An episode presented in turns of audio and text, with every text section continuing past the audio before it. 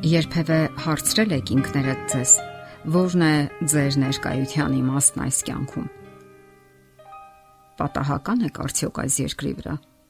Համոզված ենք, որ ցանկացած մարդ երբևէ իրեն տվել է այդ հարցը։ Ով չի մտածել, թե ինչ առաքելություն ունի ինքն այս երկրի վրա։ Իսկ եթե այդ հարցը դեռ չեք տվել ձեզ, ապա հիմա է ժամանակը մտածելու այդ մասին անօգտակարության զգացումը կարող է հուսահատության հասցնել ու մասես։ Սակայն ցանկացած մարդ այս երկրի վրա ունի իր կարևոր դերը։ Նա որոշակի ծրագիր է կատարում։ Ահա թե ինչու կարող ենք ասել, որ այս երկրի վրա պատահական մարդիկ չկան։ Յուրաքանչյուր մարդ ծնվում է ապրելու եւ փրկվելու առաքելությամբ։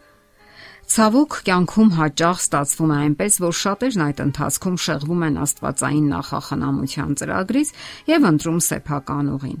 սեփական ընտրությամբ։ Նրանք ընտրում են մեղքի եւ անհնազանդության ուղին, իսկ մեղքի ուղին Աստծուց հրաժարվելու ուղին է։ Սակայն Աստված ցանկանում է ամեն մեկիս փրկությունը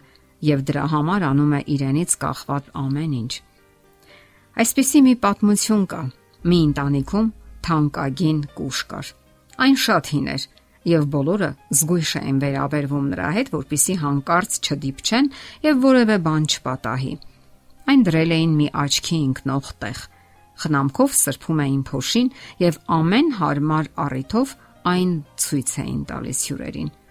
Սակայն պատմությունը նաև ասում է, որ այս կուժը շատ էր վշտանում, որ իրեն որևէ գործ չեն հանձնարարում եւ չեն վստահում, Նույնիսկ անճորնի կոպիտ ամաններն էին օգտագործում։ Նրանց մեջ ջուր էին լցնում, պանիր կամ մի ուրիշ բան դնում։ Ծռմռված հին սափորներն ավելի երջանիկ էին, որովհետև իրենց մեջ շաքարավազ, կաթ եւ ուրիշ բաներ էին պահում։ Նույնը վերաբերում էր նաև պղանձե ամաններին, որոնք թեև գեղեցիկ չէին, սակայն ամեն օր օգուտ էին տալիս։ Եվ այսպես այդ թանկարժեք կուժը դեռ երկար կմնար այդ վիճակում, եթե մի օր հանկարծ երեխաները պատահաբար չկոտրեին այն։ Մեծահասակները ստիպված սոսնձեցին այն, ինչից բավականին տգեղ դարձավ։ Իսկ տանտիրուհին վերցրեց եւ խոր հոգոց անելով այն տարավ մութ խորդանոց։ Նրա մեջ բեռնաբերան ընկույզ լցրեց եւ դրեց մյուս ամանների կողքին։ Հիմա արդեն այս կուժն անելիք ուներ նա խաղաղ երջանկություն եւ ուրախություն էր զգում ավելի շատ, քան անցած ողջ տարիների ընթացքում, չէ որ նա հիմա օգուտ էր տալիս։ Աստվածաշնչում կարդում ենք. Միայն թե զանազան ապարքևներ ունենք ըստ այն շնորհի, որ մեզ տրված է։ Այսինքն յուրաքանչյուր մարդ ունի միայն իրեն հատուկ շնորհներն ու ընտունակությունները։ Եվ կարևոր է դրանք օգտագործել ըստ նշանակության եւ հանուն մեր եւ ուրիշների բարօրության։ Այս խորհրդանշական պատմությունը եւ Աստվածաշնչյան համարը կարող են լուրջ մտորումների առիթ տալ։ Մենք կարող ենք մտորել մեր կյանքի եւ մեր մասին։ Ինչ իմաստ ունի այն։ Ինչ առաքելությամբ ենք աշխարհ եկել։ Հնարավոր է մենք վիշտ ու տխրություն ունենք։ Հնարավոր է մեզ չեն հասկանում։ Իսկ գուցե անարթարության զոհ ենք դարձել։ Այդպիսի բաներ ամեն օր կատարվում են այս աշխարհում Այդ մասին զգուշացնում է նաև Աստծո խոսքը։ Մի ունայնություն կա, որ լինում է երկրի վրա։ Արթարներ կան,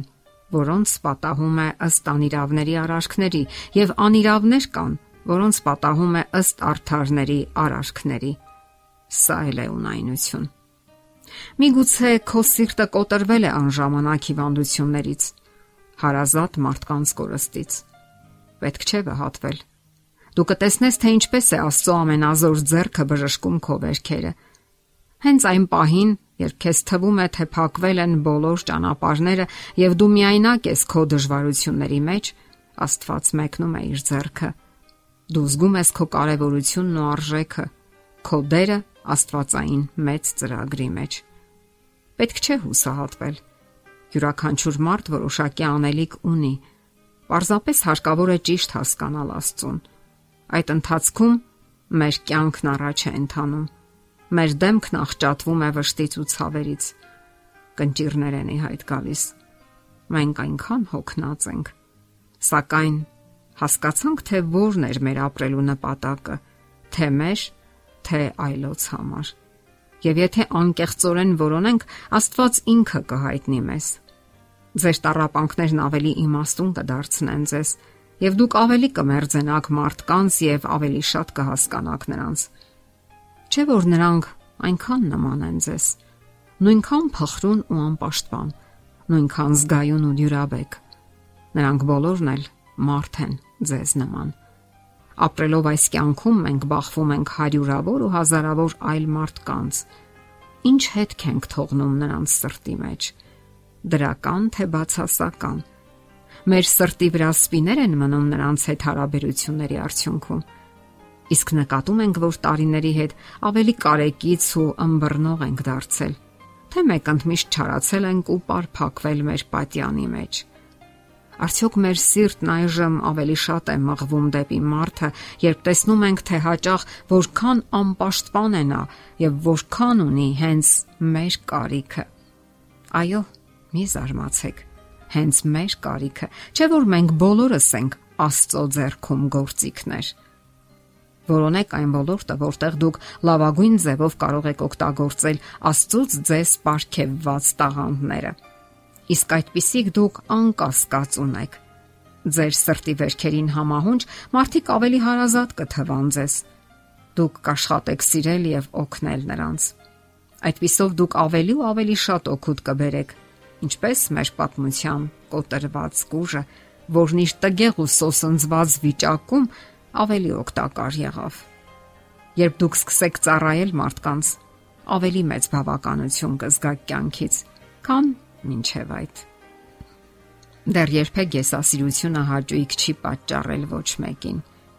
Միայն իր ցանկություններին ու հաճույքներին նվիրաբերված կյանքը շատ արագ է հոգնեցնում Եթե միայն մարդը վերջնականապես չի արատավորվել եւ չի խորասուզվել մեղավոր կյանքի հորձանուտներում,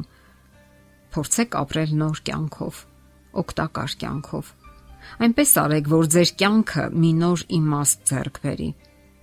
Հիշեք թանկարժեք կուժին, որը տխուր էր եւ անհույս, եւ որը սակայն կոտրվելուց հետո իր երջանկությունը գտավ པարս ծառայության մեջ։ Դուք էլ կարող եք այդպես վարվել։ Եթերում ղողանջ հավերժության հաղորդաշարներ։ Ձեզ հետ է գեղեցիկ Մարտիրոսյանը։